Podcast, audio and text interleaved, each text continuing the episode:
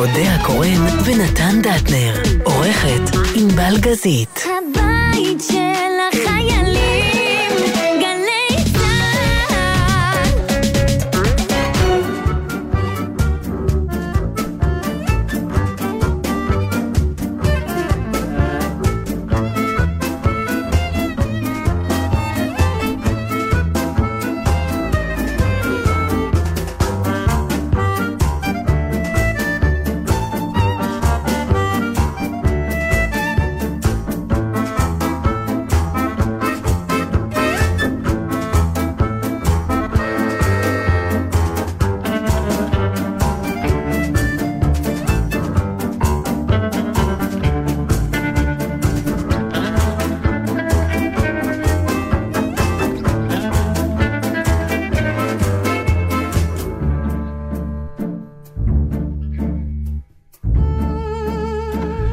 שלום לכם, אודיה קורנת דרטנר, ענבל גזית.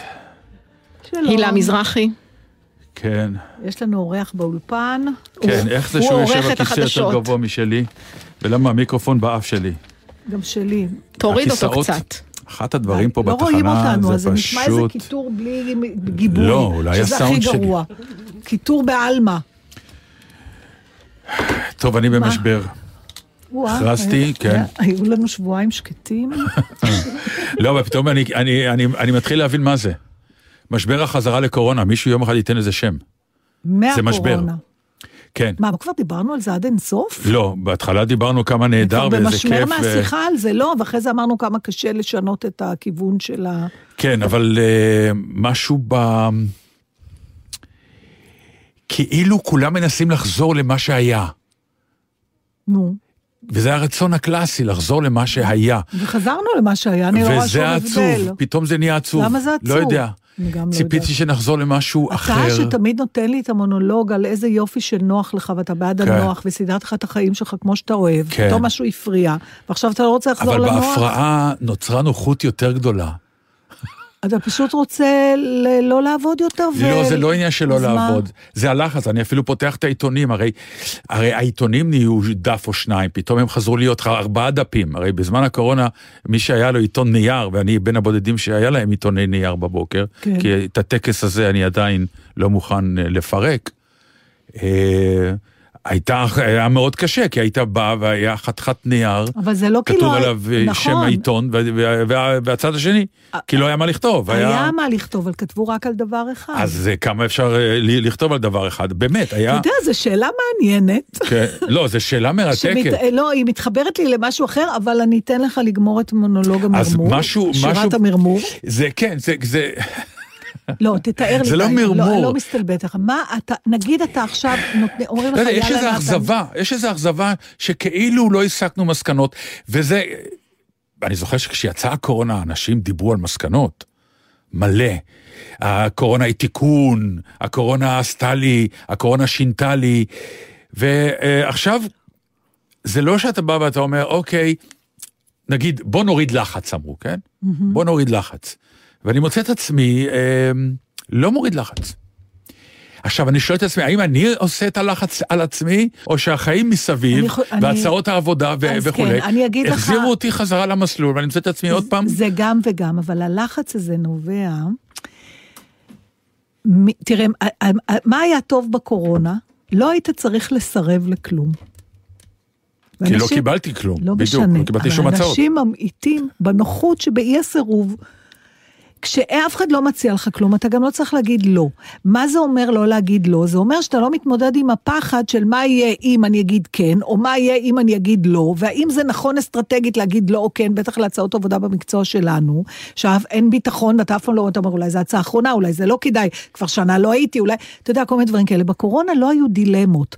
ולא נעים לי להגיד לך, אמרו לך מה לעשות.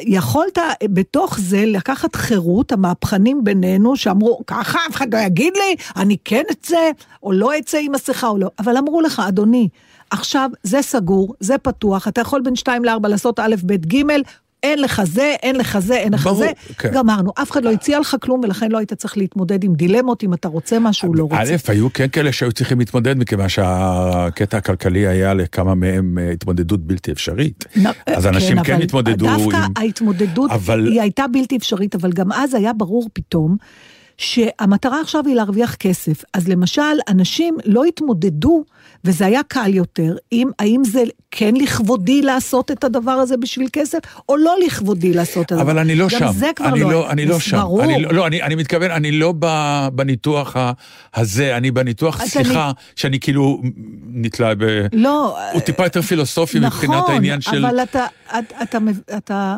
קרה פה משהו ואולי אה, כאילו לא הסקנו, או שאולי המסקנות יבואו יותר מאוחר ואני עדיין לא רואה אותם, אני לא יודע, אבל תראי, יש רצון, כמו, כמו מים, אה, זוחלים לאיפה שיש, יש את הרצון הזה, מה שנקרא, לחזור לשפיות שהייתה קודם כל. ואני אומר, אולי החזרה הזאת מהירה מדי, פילוסופית, עקרונית. עם כל העסק היה, היינו חוזרים טיפה אחרת להכל, אבל, אבל, אבל זה לא יקרה כנראה. זה לא יקרה כי זה גם לא צריך לקרות. זה צריך לקרות, לא, זה צריך היה אני אגיד לקרות, לך כי, למה. כי uh, הפאוזה עשתה לנו uh, כמה מחשבות נכון, נורא נכונות. נכון, גם כשאתה אבל לא- המסקנות לא קיימות. אבל אין כש- מסקנות. גם כשאתה נוסע לחופשה, כן. כמה אתה אומר, וואי, למה אני לא חי ככה? אני חוזר הביתה, אני אלך לישון ב-11, אני אקום, אני יכול, ואתה חוזר הביתה ואתה לא חי כמו בחופשה, כי זאת חופשה. אז היה פה משהו אחר. לא הייתה פה חופשה אחרת, לא הייתה אבל... חופ... הייתה חופשה לך, יש אנשים לא, שלא. אני מדבר על העיקרון. החופשה שהייתה, הייתה חופשה חד פעמית שלא הייתה לנו אף פעם. נכון. זאת חופשה שלא הופרעה על ידי ביזנס אחר, מכיוון שכולם יצאו לחופש.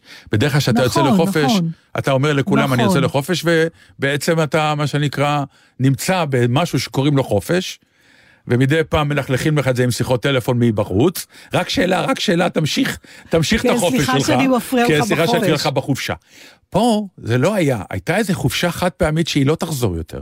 באמת, כי זה נכון, מקרה... כי לא היית צריך לה... אבל אני אומר, בחופשה הזאת פתאום צצות מחשבות שעוד לא צצו לך אף פעם. מה הם? אתה לא אומר לי מה הם. לא, אני אומר, אני אפילו מדבר על, על אה, לתמצת את החיים אה, יותר טוב, אה, יותר ביעילות, ופחות אה, מה שאני חוטא בזה, אני ממש לא שם. לכן אני במשבר. אתה, אתה יכול לתת לי דוגמאות ספציפיות? חזרתי חזרה ללחץ העקרוני של המקצוע. אני, אה, אה, היו... איך נראה הלחץ הזה? מה, יותר מדי הצעות? אתה קם כן, מוקדם יותר מדי בבוקר? הצעות, אני, אני, אני, אוקיי. אה, אני בא הביתה, אני אומר לסמדר, יו, עבדתי היום, יום ארוך. Hmm. עכשיו, יש, יו, אני, האמת שאני לא ממש יודע איך, איך להגדיר את זה, כי אם הייתי ממש יודע איך להגדיר את המשבר, אולי כבר הייתי עובר אותו. אבל לא אכפת לי שהמאזינים יעזרו לנו בפייסבוק, אם הם יודעים אני על מה אני רוצה רק מדבר, להגיד אבל... משהו חשוב, כי אני כבר שומעת איך כולם קופצים. זה לא מדובר פה באיזה פינוק של בן אדם של אוי אוי אוי, יש לי יותר מדי עבודה, ממש לא, לא, זה לא קשור זהו, אני לזה, רוצה להדגיש לא. את הדבר הזה, כי אני כבר מכירה שהתחילו לא, להגיד, לא, תגיד כן, תודה, תגיד שיהיה- תודה. כן, תגיד תודה. בסדר, לא, לא, הוא זה לא אומר שם. תודה. כן, לא, אני לא. הסנגורית שלך עכשיו, ממש לדקה כן. ורבע אני מציעה לך לנצל את זה, זה תכף מסתיים. אה, אבל... אה, גונג, זהו, כן, זה הסתיים. אה, אתה יודע, כן, זה- עכשיו יבואו יגידו לך, אדוני, אז אה, תחליט שאתה לא עובד יותר משעתיים ביום. אבל זה וזהו. לא רק עבודה, זה בדיוק מה שאני אומר, אני, לכן אני לא מנסה להסביר, אני לא מצליח להסביר את עצמי זה טוב. לא זה. לא רק עבודה. אבל אין לנו עוד לא. משהו, נתן, אין לנו נכדים, אין לנו, כאילו לא, לא, זה נכדים, לא, אין לנו לא... ילדים טוב, קטנים. בוא נעצור פה, כי אני כנראה באמת... אה, לא, לא, מעניין לא, לא, אותי. אני אומר, אני אה, חסר מילים. אין לי כרגע את היכולת להסביר לך. אני יודע שאני מרגיש משהו, כן. אה, ואני, קשה לי להביע אותו במילים, מרגיש כי ש- אני חוזר חזרה באמת למחוזות העבודה, הבנתי. וזה לא שם. אז אתה מרגיש שאתה מתנשף בעצם, במובן הפילוסופי של כן. הדבר? כן, קצת, קצת. יש איזה... אומרים שאחרי סוג של טראומה, וזה היה טראומה, אה, צריך לבוא ולהסיק מסקנות וללכת למסלול חדש, ואנחנו לא עושים את זה, אנחנו פשוט לא, לא עושים את זה. כי אולי אין מסלול חדש. יכול להיות, יכול להיות, באמת יכול להיות שאולי אה, אין מסלול חדש, או חיפשנו כל הזמן את המסלול הישן, כי שם היינו, אנחנו יודעים, מכירים אותו, טוב לנו שם, ובוא נלך אני אגיד לשם. לך מה, יש, אני אקח דימוי של כביש ראשי. במקרה אתמול חזרתי בצהריים מהצפון. כן. אז אני, לי לא היו פקקים. אבל אלה שנסעו... ממול, איזה כיף זה, אה? זה אפילו לא נראה פקקים. זה היה נראה כמו מגרש חנייה. כאילו יש מגרש חנייה מנתניה עד אה, זיכרון, כי זה לא זז, זה עד כדי כך לא זז, וישבו פגוש לפגוש, זה נראה כמו חנייה. עכשיו, אז אני רוצה לקחת את הדימוי הזה, של כביש אה, דו, שני, עם מסלול לצד אחד, מסלול לצד פנוי שני. והשני פעמים. חנייה. לא, יש מסלולים, אנשים נוסעים, באמצע יש אי תנועה. אתה רוצה להיות על האי תנועה, אבל אתה גם לא רוצה שייסעו. כי ברגע שאחרים נוסעים, אתה מרגיש לא, שאתה אבל זה, תקוע. זה כבר הדימוי בסוף. אני אומר לך משהו אחר, הייתי בפקק, ויום אחד הפקק נפתח. כן, ואתה לא זוכר לאן אתה נוסע. לא. ואז המכוניות התפנו, ולמחרת הכבישים היו פנויים. הרבה זמן לא היה פקק, אני הולך עם הדימוי שלך, כן. ולפתע אמרנו, יופי, הנה, ככה העולם צריך לקרות, נכון. וחזרנו לפקק יותר גדול. נכון, זה מה שמטריד אותי. אוקיי. ב- אם נלך עם הדימוי נלך, שלך. כן, משום מה זה נורא שנהיה שהוא נכון. פקק יותר גדול, גם באמת, כי זה מה שקורה באמת, פיזית, נכון, אולי הוא דימוי אבל- למצב אבל- שלנו. אבל אנחנו בס... נכנסנו לפקק יותר גדול, כי חזרנו חזרה לכבישים, אותם כבישים נכון. שאנחנו מכירים. במקום בעצם להגיד, אוקיי, הפקק נפתח, הצידה, אבל בדיוק, בדיוק. לא חייב להיות כזה לא חייבים עומס על אותו- על ה- אותה דרך. בדיוק, בדיוק, כן. זה באזורים האלה. ואני מוצא את עצמי כן נהנה מזה שאני מקבל הצעות עבודה, ואני אומר לכולם כן. זה לא שאני סובל. כן. אבל אני כזה בא הביתה ואומר, הנה, חזרת חזרה לעניינים הרגילים, ותנסה רגע לחשוב, אני זוכר שהיה שלב שדיברנו על זה אפילו בתוכנית, שיש לנו הרהור על המקצוע שלנו. אני זוכר שאמרתי לך, מה, אני אחזור עכשיו ללבוש בגד, לשים פאה, ולדבר בשם דמות שקוראים לה ג'ו? ווירד, מוזר לי. לא יודע, פתאום אני אוהב רק את ההופעות שבו אני מופיע לבד עם השם שלי, אני עצמי. משהו כאילו גרם למחשבות. והנה אני חוזר חזרה לאותם דברים בשמחה גדולה, כמו שאת אומרת. אני כנראה שזה לא בשמחה גדולה, אבל... אה, יכול להיות אולי שאני מחליט שזו שמחה גדולה. יש בעיה כשאתה בודק משהו שאתה בטוח בו המון שנים, ופתאום, או בגלל שאתה החלטת או בגלל שהחיים החליטו, אפילו פרידה מבן זוג שאתה חי איתו הרבה שנים, או כל שינוי שהוא דרמטי, מהותי ורגשי, יש סכנה גדולה. שכשאתה תחזור ממנו אתה תגלה שאולי באמת אתה לא רוצה כל כך לחזור אליו, אבל זה כל כך מפחידה המחשבה הזאת, כן. ש... כי גם עוד אין לנו משהו ב... במקום. ועליות על האי תנועה הזה, זה דבר מאוד מפחיד, צריך הרבה... ולראות את ביט- התנועה מסביב בדיוק, אה, זורמת. בדיוק, אה, אז אתה אומר, קודם כל אם נמשיך זה אי לנסוע... תנועה בכביש ריק, לא קרה כלום. זה מה שהיה בקורונה. בדיוק. אנשים, יכולת לשבת באי תנועה והכל כן, בסדר, אבל כן. כשאתה על האי תנועה וכולם נוסעים, אז עד שאתה לא מחליט שאתה לא, רוצה אני להיות לך- באי תנועה לא, הזה, אני רוצה אתה... לצעוק מהאי תנועה, לאן אתם נוסעים? זה בדיוק העניין. יאללה.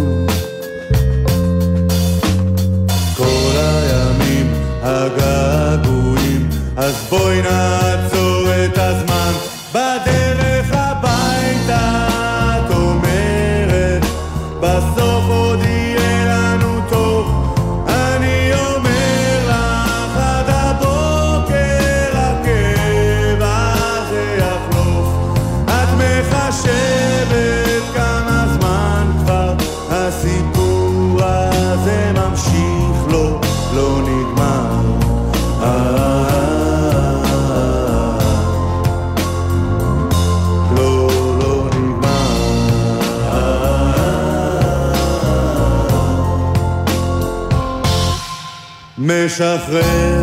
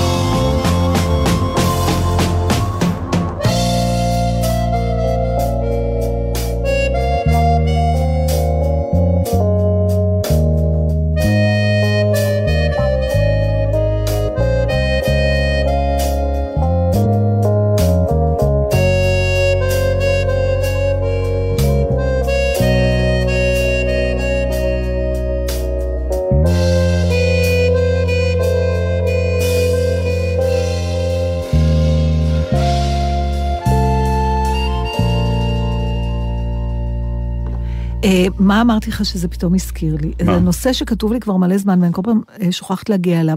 אתה דיברת על התחושה הזאת שפתחת את העיתון, והיה רק דבר אחד, כל הקורונה, לא היה הרבה נושאים ולא... ולא הספקנו לדון האם זה, וזה טוב או לא, אבל אתה אומר, זה בסוף, זה היה סבבה. אז לא, לא היה גודש, גם לא היה צריך לתת דעתנו על כל דבר, ו... ואז נזכרתי בדבר הזה. נחה, נחה דעתנו, מה שנקרא. לא, אתה אומר, לא, לא, לא מצפים מאיתנו להיות multitasking, לא במחשבות, לא במעשים. כן. יש דבר אחד שעליו כותבים, שאותו עושים, שעליו מדברים וזהו. אבל אנחנו כל הזמן בתחושה שזה נובע מקלקול, זה לא הבחירה. אוקיי, בעצם על זה רציתי לדבר. ואז נזכרתי בסיפור הזה שקראתי באיזה מקום, על, אה, כמובן ביפן, כי שם תמיד כל ה... יש זה, ואז, אבל ביפן זה ככה. כן, מנפלאות יפן. מנפלאות יפן. אז ביפן, אה, ב-2015 החליט איזה טיפוס בשם יושיוקי מוריו, מוריוקה, אה, לפתוח חנות ספרים, מוריוקה שוטן, אבל היא מציעה ספר אחד בלבד בשבוע. רק אותו הוא מוכר. רק אותו הוא מוכר. עכשיו, אה, היא מוכרת הרבה עותקים, אבל רק מספר אחד. זאת אומרת, הלקוחות קונים את הספר המוצע, או שמחכים לבחירה ספרות חדשה בשבוע אחרי זה. זה לא חנות ספרים שאתה נכנס ואתה מתחיל לבחור. יש, הוא מציג בחלון הראווה, כמו שהיפנים יודעים, רק את הספר הזה, בסדר?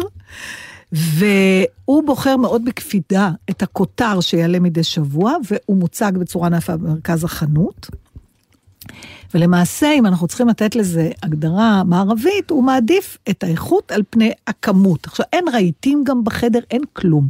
החנות ריקה, במרכז עומד הספר שנבחר. סוג של דוכני של הספר. אבל לא זה חנות. כן, כן. אה, עכשיו, אה, זה, וזה הסיפור, והוא אומר, על מנת להעצים עוד יותר את החוויה הספרותית, המוכר הס- הספרים מבקש להחיות כל ספר בשבוע, אה, זאת אומרת, הוא מציג תמונות וצילומים שמזכירים את הספר, ואפילו עבודות קרמיקה, סביב רק אותו ספר.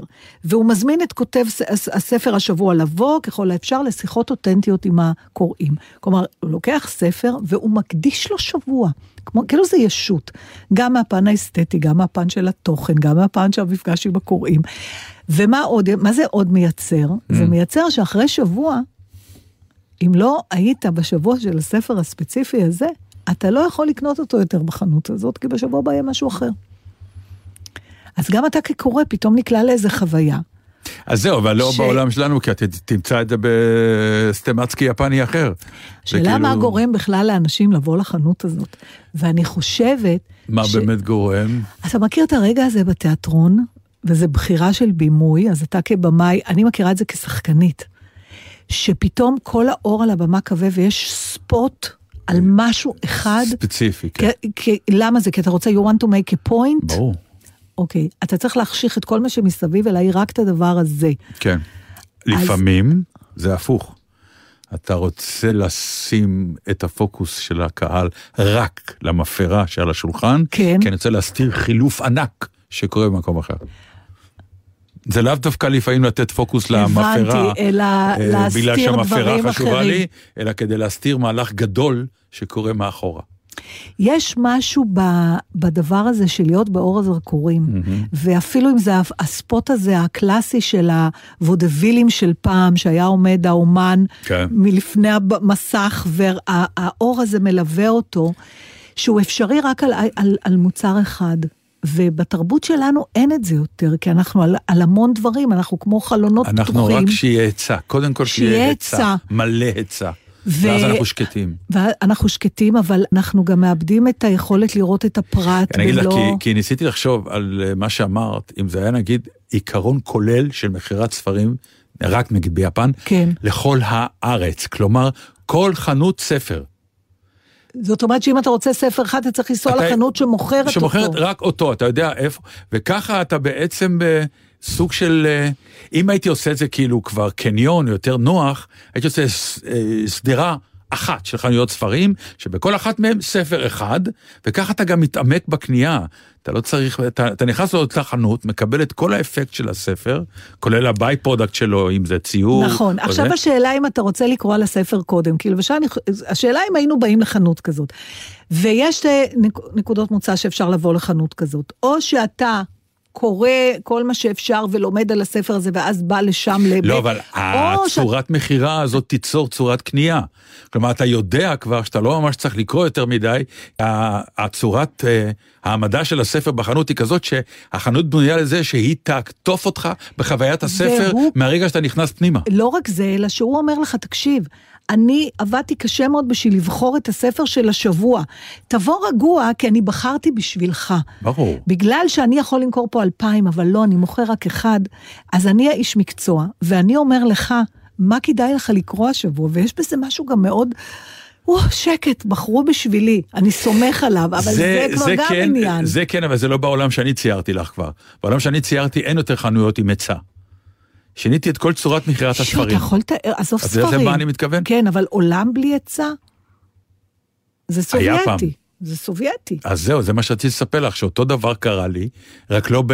כלומר, קרה לי ברוסיה, אני עוד הספקתי בצעירותי להיות במוסקבה, בתקופה עוד שרוסיה הייתה רוסיה, אה, ברית המועצות, סליחה, לפני שזה התפרק. כן. והרי העוני שם היה, אתה יודע, תורים מטורפים וכולי. ואז אמרו, בוא נלך לבית קפה. אמרתי, וואי, בית קפה, בעידן הקומוניסטי, בוא נלך. אז הלכתי, ואז קיבלתי. מה זה בית קפה? כן, יש עוגה אחת. עוגה אחת ב, אה, בכל המדפים, כן.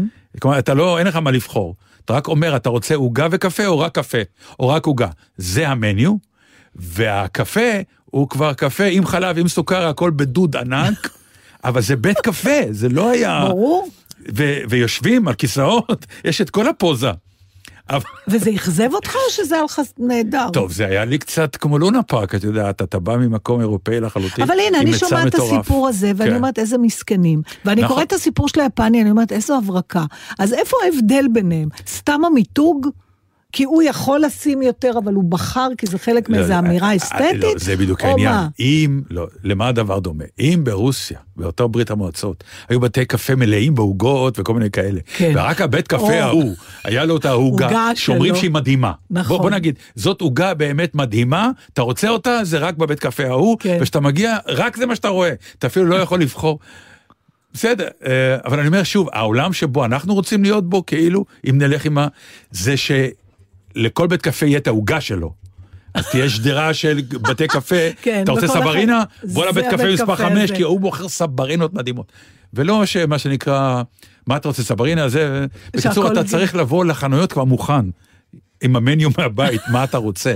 כי אחרת זה מעייף אז כבר ללכת, תכין לך בבית וזהו. בדיוק, ללכת מחנות לחנות, ולא, לא, לא. הזכרת לי שגם פצ'קה הסתובב ברוסיה בתקופה, איך שזה נפתח. כנראה כן. קצת אחריך, אתה כנראה מתאר את שנות ה-80, והוא כבר היה בתחילת שנות ה-90. אז הוא סיפר נכון, אני הייתי פעם, בשנות ה-80. זהו, חוויה כזאת שהוא במלון, וארוחת בוקר. אז עומדת המלצרית, שזה כמובן גם לא בחורה צעירה, זה אישה מבופם, אתה יודע, יש מקומות שהמלצרים הם אנשים מבוגרים, הם לא צעירים. זה גם היה מקצוע. גם, נכון. מקצוע, ו, ואנגלית מאוד בסיסית. כן. אוקיי?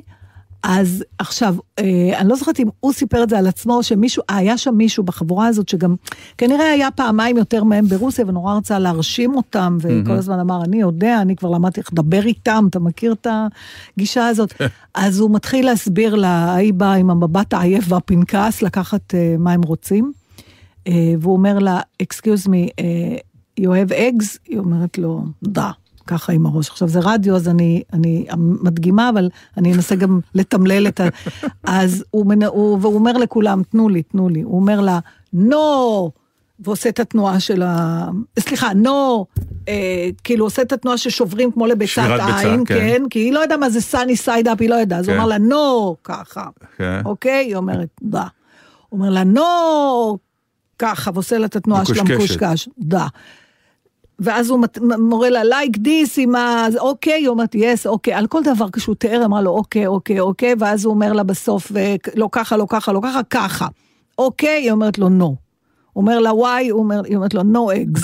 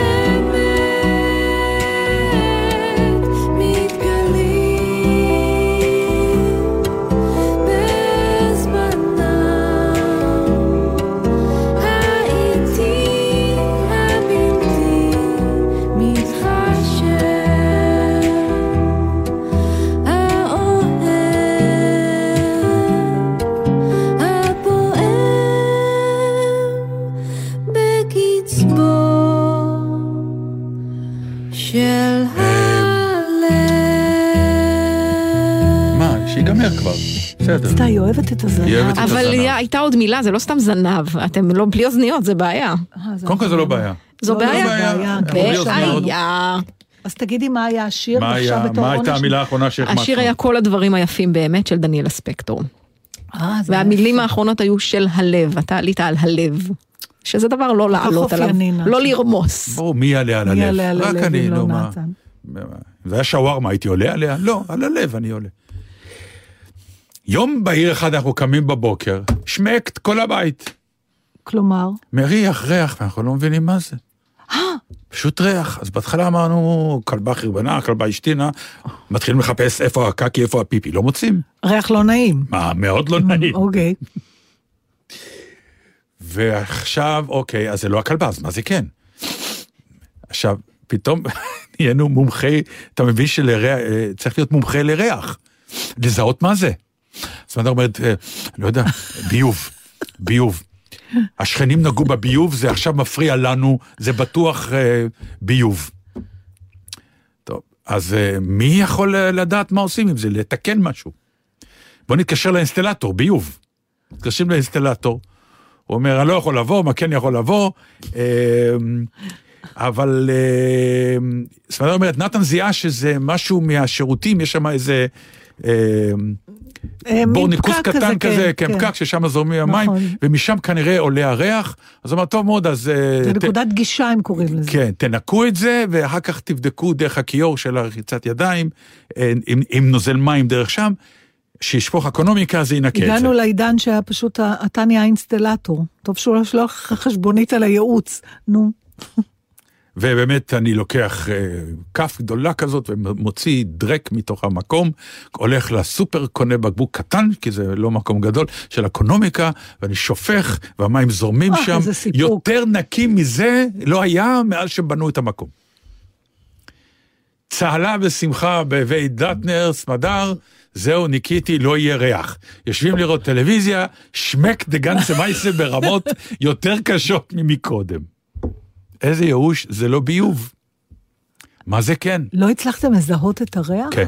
ואז מגיעה עוזרת בית. ואומרת, ועכשיו היא עובדת, היא מנקה, ולא נעים לה. מריח לה. אה, ויור...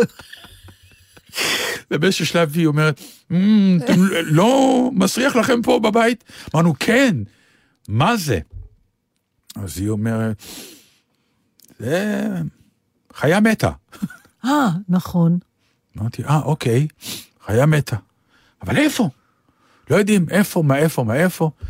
באיזשהו שלב לא ידענו באיזה אזור, אני מתחיל, ואז אנחנו קולטים שזה מאזור מסוים, רק לא ידענו מה עושים, איך עושים, הזמנו את ידידנו, השחקן המופלא, יגאל, שיבוא. שמומחה לנבלות שהוא- בעלי חיים? לא, שהוא מומחה לתיקוני בית, הרי הוא נכון, עשה הוא אצלו הכל לבד. נכון. הוא עושה הכל לבד, הוא מומחה, הוא יודע. החבר היודע, עכשיו מכירה את זה? בטח בגלל הקורונה נפגע לו חוש הריח, לא? הוא אמר. הוא אמר, אתם קוראים לי, אני, אני אין לי ריח, אני עכשיו. היה לי קורונה, אני תתרן מוחלט. זה לא. אומר, אבל אם אני אריח, אתם בבעיה גדולה. אוי, זה נהדר, נהיה לנו אינדיקציה כן, חדשה. לגמרי. זה היה עד כדי כך מגיע- מסריח שאפילו כן. חולה קורונה הריח את אז זה. זהו, אז היה תקווה שכשהוא נכנס, הוא אמר, שמקנישט, לא מריח לא כלום. מריח כלום. על מה אתם מדברים? אמרתי לו, לא, לא, אתה תתרן עכשיו, אז בוא, ת- תעשה סיור פה באזור, ואז אני לא אשכח את הרגע, הוא עלה, אמרתי לו, אולי טיפה יותר למעלה, הוא עולה למעלה, הוא אומר לי, כלום, לא מריח. ואז הוא יורד, הוא אומר לי, הופ, הופ, הופ, הופ, זה פה. ממש נהיה חותם להשכרה. לא, לגמרי, זה פה, זיהינו את המקום. אמרנו, מי נביא? איזה, איזה, איזה... מה, היה לכם ברור שמתחת לנקודה הזאת יש נבלה של... שמתחת לנקודה הזאת יש כן. נבלה. עכשיו, אוקיי. של מה? אנחנו לא יודעים. לא יודעים.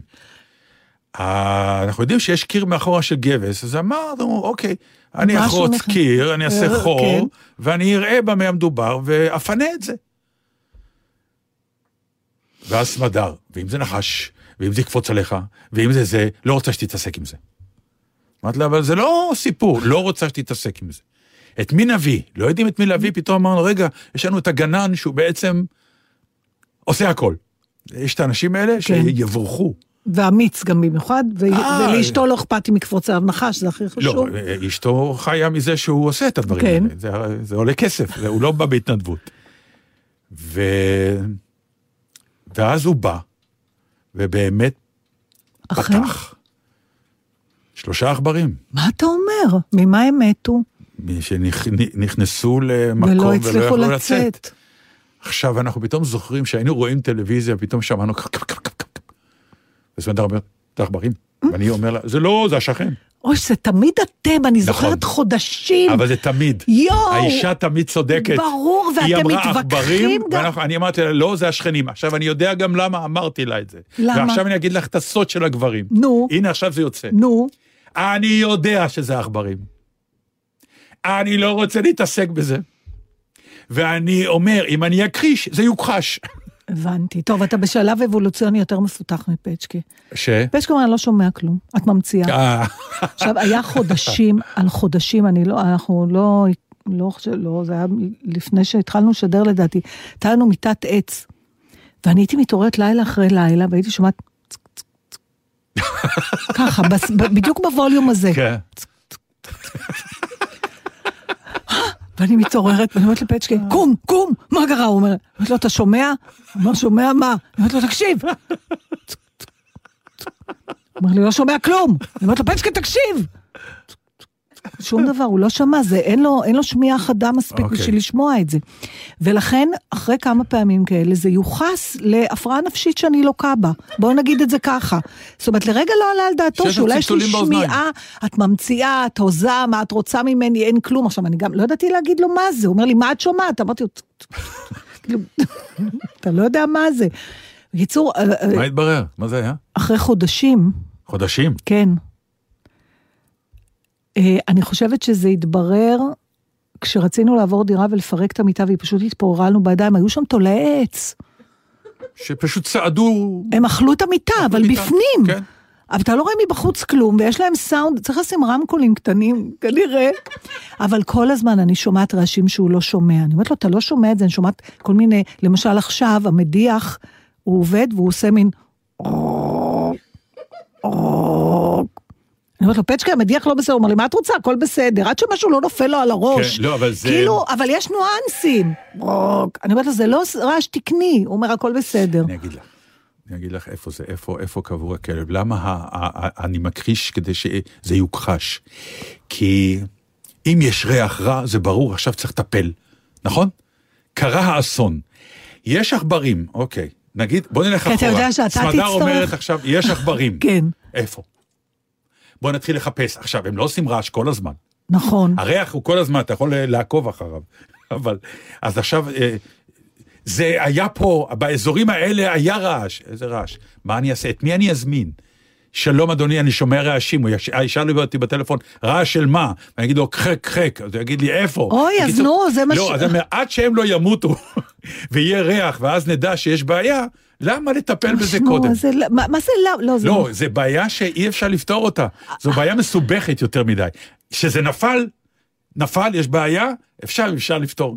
אבל אם שומעים עד שזה לא יעצור, אוקיי, אז, זה, אז, זה אז הגברים. זה הגברים, ולכן הגיע הזמן שנשים ינהלו את העולם. אני מסכים המון איתך. דברים יימנעו מראש, כי אנחנו שומעות את הרעש כבר. מסכים לכל מילה, תמיד אמרתי. כן, כן, הן אוקיי. צודקות בהכל, דרך אגב, ויהרגו אותי הגברים.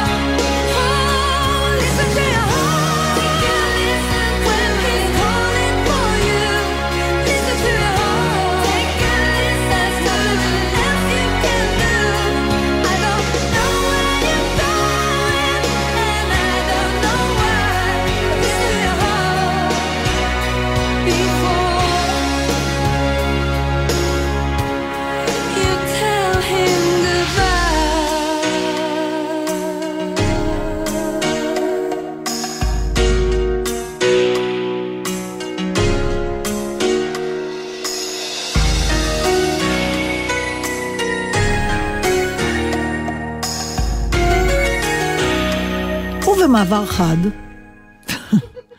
כמו שאומרים, אה, אני רוצה שנדבר רגע על הסיפור של יהודה משי זהב. אה, מה מצבו, דרך אגב? אותו דבר, לא? בחדשות הוא עדיין בסכנה גדולה וכולי? הוא, הוא כנראה כבר במוות מוחי, אם אני מבינה נכון וקוראת נכון, אבל uh, תראה, זה נורא מוזר, כל פתיחה שאני לא אעשה לנושא הזה, כן. היא כבר נשמעת לא טוב, כי לא אמרתי משהו אחר שהיה אפשר להגיד. זאת אומרת, הדבר, ההגדרה הכי מדויקת שמצאתי לסיפור הזה, מעבר כמובן לדברים הברורים מאליהם, ו... ה- זה, זה שקספירי, בעוצמות שלו. לא, זה יותר מזה, זה טרגדיה זה, יוונית. כן, זה, ממש, שם, אה, זה באזורים האלה, לפעמים אבל... כשאתה קורא טרגדיות יווניות, אתה אומר, אוקיי, קצת הגזמתם את החיים, והנה פתאום בא סיפור לא, כזה, זה, וזה זה, טרגדיה. אבל... לשני, הצ... לשני הכיוונים. אני לא רוצה לעשות לו... הנפגעים ו... כן, ו... אבל אני לא רוצה לעשות. לו הנחה של טרגדיה יוונית, כי בטרגדיה נכון. יוונית לפעמים, אה, או כמעט תמיד, הגיבור, אה, בוא נגיד, אה, היה- יכול אולי... אה, זה כאילו לא לגמרי באשמתו, חוץ שהוא חטא איזה חטא גדול פה, מדובר... והחיים הענישו לא, אותו, באמת, כן. מדובר גם באיזה... אתה מתפלץ, נו, אני לא רוצה עוד פעם, כל מילה שאני אגיד כבר שמעו ואמרו, אבל אני אוקיי. כן רוצה לדבר על דבר אחר שקשור לזה. וזה משהו שראיתי הבוקר ב... אה, באמת, מין כותרות כאלה, שחלק מהנפגעים שלו, נפגעים ונפגעות, אמרו שהם לא רצו שהוא יתאבד, הם רצו שהוא יעמוד למשפט ויענש על הפשעים שלו, או יתחרט על הפשעים שלו, ו... ושהצדק ייעשה. וזה גרם לי לחשוב בעצם למה, למה יש להם את, ה, את התחושת החמצה העמוקה הזאתי. כי הלוא אם מישהו עושה לך רע, אתה, אתה תמיד אומר, אני רוצה להרוג אותו, אתה רוצה שהוא ימות. והם מתארים משהו אחר, זאת אומרת, אנחנו מדברים פה על איזה רווח בין נקמה לצדק, שלא חושבת שחשבתי עליו אי פעם, אבל זה בכל זאת תפס אותי. הדבר הזה שהם אמרו. למה הוא, זה לא פייר שהוא ניסה להתאבד, הם כאילו כועסים עליו שהוא עשה את כאילו זה, כי... זה קל מדי, זה קל מדי, שנקרא. בדיוק. כן. הוא לא התחרט, הוא לא הסתכל לי בעיניים ואמר, אני גרמתי לך עוול ועכשיו אני אשלם על זה. הוא רק לקח את חייו, כאילו שזה לא עונש מספיק זה בעצם. מעניין, האם יש באמת לאנשים את הצורך לעמוד מולו ולהגיד לו תוכחה, ל- כן. כדי לראות כי- איך הוא מגיב על זה, ואז השאלה, מה, מה זה צדק? כשמצד שני כאילו אולי הצדק כן עשה, כי הסבל שהוא עבר ב- בימים האחרונים שהובילו אותו לנסות אה, להתאבד, אני מניח שזה סבל שצריך במרכאות לפצות. לפצות, אבל לא. תשמעו חבר'ה, הוא הכי סבל יותר מכל שיעמוד מולכם. מי- ואולי הם זקוקים לסליחה שלו, הם, אולי. אה, אני לא יודעת אם הם זקוקים, הם, הם, זה מתפרש כאילו שהוא ברח. כן, זה... אתה מבין? גם הוא וזה- חשב ככה. אה, אתה חושב? אה, כן, בה- בהתאבדות מהסוג הזה, היא באה מתוך הבנה שאם הוא יישאר בחיים, מה הוא יצטרך לעבור? השפלה אחרי השפלה אחרי השפלה, למה אי אנחנו, כבוד, אי אנחנו כבוד לא נדע. לעולם, אבל למה זה בדרך כלל, לא זה בא גם מתוך... כמו דודו טופז, זה, זה אנשים שנמצאו במקום שאיפה שהם דרכו הם קיבלו כבוד על, יותר מאדם רגיל. זו ועכשיו- התאבדות נרקסיסטית. אז ועכשיו... באמת לא יכול להיות, כי אנחנו לא יודעים מה עבר בראש ב- בימים האלה זה- האחרונים זה- שלו. זה מה שקורה האם זה. יכול להיות גם איזו חרטה עמוקה? ג'ו קלר, בכולם היו בניי. כן. האם הוא מתאבד בגלל... מחרטה. מח... הוא כן, כן. מתאבד מחרטה? כן, כן, ודאי. ודאי, כי הוא, אה, תוך כדי כל המחזה, מבין את הנזק ומה שקרה להחלטה שהוא חשב בזמנו שהוא עושה אותה, שהיא נכונה. ולמשפחה של ג'ו קלר בכולם היו בניי, אני מקווה שכל המאזינים שלנו יודעים במה מדובר, כי עכשיו אם נתחיל לתאר את הסיטואציה. הוא עשה איזה פשע במכירת אה, מטוסים. הוא עשה כסף אה, באופן לא מוסרי בגלל הפשע במלחמה. הזה אה, נוצרו בעיות במטוסים, והבן שלו נפל רק בגלל הבעיה הזאת. זה לא, לא, הבן שלו או שלו. אחרים, הוא אומר כולם היו בניי כאחרים, הבן אבל של... גם הבן שלו, שזה בעצם הסיפור. אוקיי, אבל, אה, אבל אז זאת אומרת, מה זה, אז, אז בוא נדבר על מה זה צדק. צדק זה לראות את מי שגרם לך עוול, מבין את העוול שהוא עשה, מודה בו, מביע חרטה וחי מספיק בשביל להתמודד עם האיסורים ש... אה, לא, לצערי הרב, כי כל אחד והצדק שלו. גם בין הנפגעים, גם בין הנפגעים, אין לי ספק שיש כאלה שאומרים, אוקיי, נעשה צדק, הוא סבל, וה- מה שנקרא, שיהרוג את עצמו, ויש את האחרים שמקבלים יותר פוקוס, כי זה באמת דעה אחרת אה, וקצת יותר מעניינת או חריגה, חבל שהוא נהרג כי הוא ברח מעונש. זהו, זה האבסורד, אבסורד, זה כן, האבסורד, הוא. ברח מעונש, אבל כן. הוא ברח... הצדק כי- לא כי- ייעשה, כי אלא אם זה- כן אתה מאמין, בצדק קוסמי, צדק אלוהי. זאת אומרת, מבחינה הזאת, הצדק האלוהי יש נעשה. בדיוק, יש כאלה שיקראו לזה צדק אלוהי.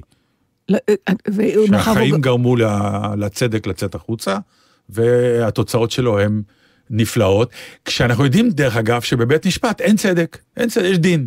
זה כל עורך דין תמיד אומר, מה ההבדל? ההבדל הוא שאתה יכול להוציא רוצח אה, זכאי. יש אמת בבית משפט? או גם זה לא בהכרח? גם זה לא בהכרח, בשביל זה יש קטגוריה וסנגוריה, לסנגור יש את האמת שלו, ובשביל זה יש שופטים. שאמורים להכ... להכריע מה האמת. והם נאלצים מסכנים אה, להיות אה, נתמכים בעובדות, וכשהם לא מגיעות, זאת, זאת הבעיה. ולכן יש ויכוח על כל העניין של אה, למה עכשיו כולם חיכו למשפט של הכושי שנהרג בארצות הברית. כי זה בית, זה, זה בית משפט של... כבר לא אה, אומרים כושי. אה, סליחה, אמרתי כושי? כן, אבל בסדר, כי אנחנו מדור כן. כזה, לא, אנחנו לא כן, זה כושי רגילים. כלב כת, זה השיר שלנו. נכון, אבל זה אה, כבר... האמריקאי השחור. נכון. אה, ג'ורג' פלויד, ג'ורג' יש לו. שם. ג'ורג' כן. פלויד, אני עם שמות, אני לא יודע איך קוראים לך, אני עם שמות. נכון, זה נכון. לא... ג'ורג' פלויד, שהצית. את מחאת חיכו, Black כי זה בית משפט של. מושבעים, כלומר, נכון. לוקחים 12 איש, אזרחים תמימים לחלוטין, שצריכים להכריע אם היה אמת או לא היה אמת. שזה משפט מאוד מאוד מסוים, שיש לזה תובנות. יש על אותו... אז תראה, הם הוציאו רוצחים, אה, כי הם צריכים לקבל אה, דעה אחת. אה, אין רוב דעות, זה תמימות דעים. תמימות דעים. וברגע אבל- שיש אחד שמערער, הוא יוצא זכאי. נכון. אבל יש, יש אה, תרבויות, ואם דיברנו קודם על יפן, אז זה גם ביפן, כן. אבל גם ב, במקומות אחרים או סיטואציות, שמאפשרים לחוטא לק, לשים קץ לחייו, מתוך, ו, אה, וההתאבדות שלו אה, מעידה, כלומר, אה, יש משמעות להתאבדות שלו שהוא מכיר שהוא מכיר בחטאו, בחטאו והוא מתנצל. ולוקח אחריות. ומתנצל. ה- ה- ה- אז לא- זה אני לא יודעת, כן, אבל הוא לוקח כן. אחריות, כן. והוא עושה את המעשה הנכון. מפה נולד המשפט, מה? שבארץ כל אחד לוקח אחריות, כן. כן. אני לוקח אחריות על כן, מעשיי, אבל נשאר שר. ואני ממשיך בקריירה נכון. שלי, אבל אני בהחלט לוקח אחריות. אז זהו, כן. אז זהו, אז זה, לא סתם, זה, פה האקט עצמו מעיד על, נכון. ה, על, ה, על ההליך המשפטי, רק נותנים לבן אדם לעשות את זה לעצמו. נכון. אבל במקרה שלו, של משי זהב, זה לא גם- זה מספיק. סוג של התאבדות אה, כן, אבל יפנית. לקורבנות שלו זה לא מספיק. אז... אה, כי יש פה עוד משהו, וצריך להביא את זה בחשבון. ומהו? כשאנחנו, המשהו הזה, זה קודם כל, כל עוד אתה חי אתה סובל. אז קודם כל שיחיה בכלא. כלומר, לקחת לאדם, אה, ש... הם רוצים שהוא גם אה, יאבד את כל מה שאתה דיברת עליו. כן. בסדר? את הכבוד שלו כן. ואת העמדה שלו וזה. והם רוצים שהוא יישאר מספיק זמן בחיים כדי ש... נורא חשוב להם שהוא יבין את הנזק שהוא גרם להם. יום יום יקום בבוקר ויבין שהוא חי אותם. חיים כאלה כי הוא עשה נזק. נכון, ואחד ה- ה- ה- הבחורים שהתראיין אתמול בתוכנית עובדה של אילנה דיין, כן. הוא, הוא, הוא זעק את זה ממש, אני הוא רוצה אותו, שהוא מוכרח יסתכל להודות, לי כן. בעיניים. ויגיד לי שהוא לא עשה את זה, זה הטריף אותו. כן. זהו. זה הטריף זה- אותו. אבל יותר, נראה כאילו שזה הטריף אותו יותר מהמעשה עצמו. יותר מהמעשה עצמו, הוא ולכן... אומר אני- לא, איך הוא צעק את זה. נכון, נכון. וזה זה מעניין, ואני חושבת שיכול להיות שמתישהו, בעולם האוטופי הבא, בתי משפט צריכים להביא בחשבון את העימות הזה בין ה... ה פושע לקורבן שלו, לא רק דרך הצלבת עדויות במשטרה או חקירות נגדיות, אלא כחלק מתהליך העונש שעוש- צריך לקבל הפושע והזיכוך שצריך לקבל הקורבן, כי לא תמיד מספיק פיצוי כספי. לפעמים אתה צריך את האחד מול כן, אחד הזה. ואז אה, יצא הצד השני כנראה. של המתרס ויבוא ויגיד לך, תשמעי, מה הטעם לשים בן אדם במאסר, אם לא נוכל לפחות לנסות לשקם אותו, כי באיזשהו שלב הוא יחזור לחברה. אז בואו ניקח את תקופת המאסר כתקופת שיקום. הנורבגים לא. ככה מתייחסים, ראיתי תוכנית על אה, בתי כלא בנור... בסקנדינביה, כן, אתה ש- מת. נכון, זה כמו מלונות, נכון. כי הם אומרים, זה, העונש זה שלילת החירות. נכון. בתוך שלילת החירות לא צריך לישון על מסמרים. אז, אז אה, אלה, ש... אלה שדיברו ל- עכשיו על אה, זה שחבל להם שאולי הוא לא יישאר בחיים, אלה שהוא פגע בהם, כן. הם לא יקנו את הבית מלון הזה לא, בנורבגיה. אבל הם אומרים, אני מקווה, מישהו אמר, עוד פעם, זה הכותרת, כן. זה, אני לא יודעת אם זה נכון, אבל הציטוט היה משהו כמו, אני מקווה שהוא יבריא. כדי שהצדק ייעשה. מזה זה כן, התחיל. אבל ה- זה, לכן זה, אני, אבל זה הצדק שלו, איזה צדק הוא רואה? הוא רואה אותו יושן במיטת מסמרים בבית כלא, לא יוצא מהכלא, וכל חייו אה, קמל שם. ומודה שהוא גרם לו. נכון, אבל הוא רוצה לראות אותו סובל, זה. זה נכון. כל העניין. אני אומר, לא, כי את אמרת שבית משפט צריך לקחת את האפקט הזה בחשבון. חשבתי פתאום. אבל אני אומר שהאפקט הזה לא קיים, כי יבואו ויגידו לך, אנחנו לא יכולים שהוא יסבול שם יותר מדי, כי אנחנו רוצים לשקם אותו גם. היה מעניין כי אותך... אחרת ל- נזרוק אותו ל... היה, היה מעניין אותך לשחק אותו בהצגה? או בסרט? תשמעי, אני שיחקתי דמויות יותר קשות, אה, כי מבחינה דרמטית, אה, זה קיצוניות אה, ש... אני אגיד לך מה יפה במקצוע שלנו. המקצוע שלנו נותן לנו את האפשרות לגעת במחוזות פסיכולוגיסטיים, אישיים, באצטלה של התנסות בלי אחריות למעשים.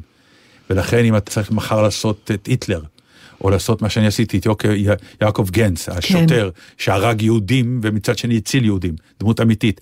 ההתלבטות, איזה צורת חיים שאתה לא חי אותם אף פעם, ברוך השם, אתה למשך שעתיים נוגע בקצוות של הדברים האלה, וחוזר הביתה בשקט.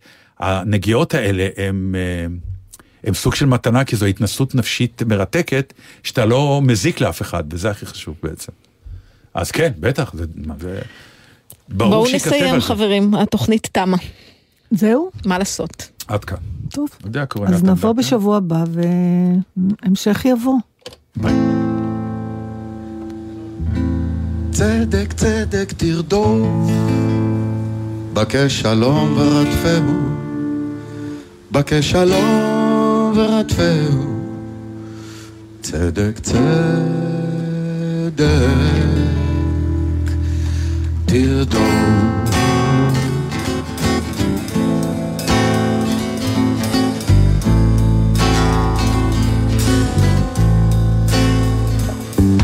רודף צדק ג'יני ודין רודף שלום נפגשים להם. בבר האדום. השלום והצדק מתחבאים באפלולית רובצים להם עין הגה בתוך שלולית. שלולית של שיכר ואף לולית של דם או אפלולית שיכר ושלולית של דם.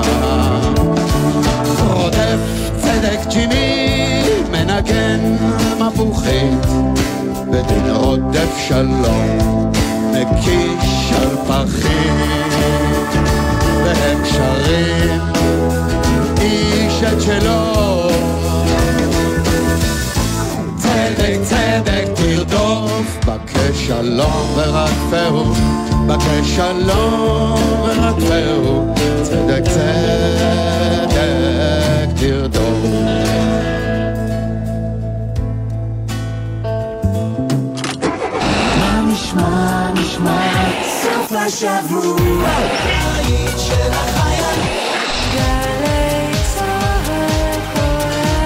גלי צה"ל כבר 70 שנה.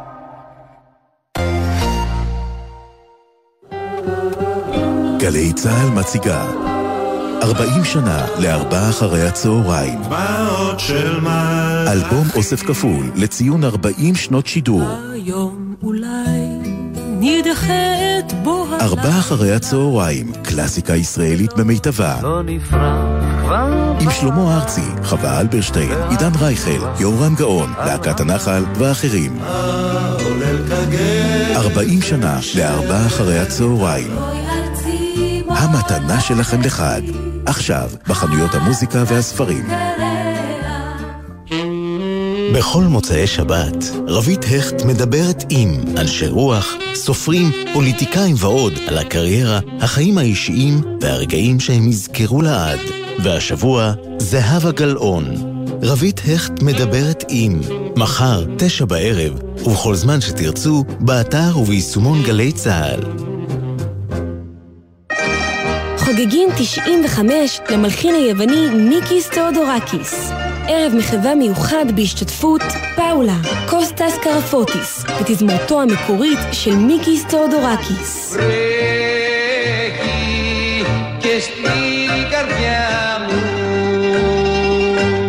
שני, שמונה בערב באמפי וול תל אביב, ובקרוב בגלי צה"ל.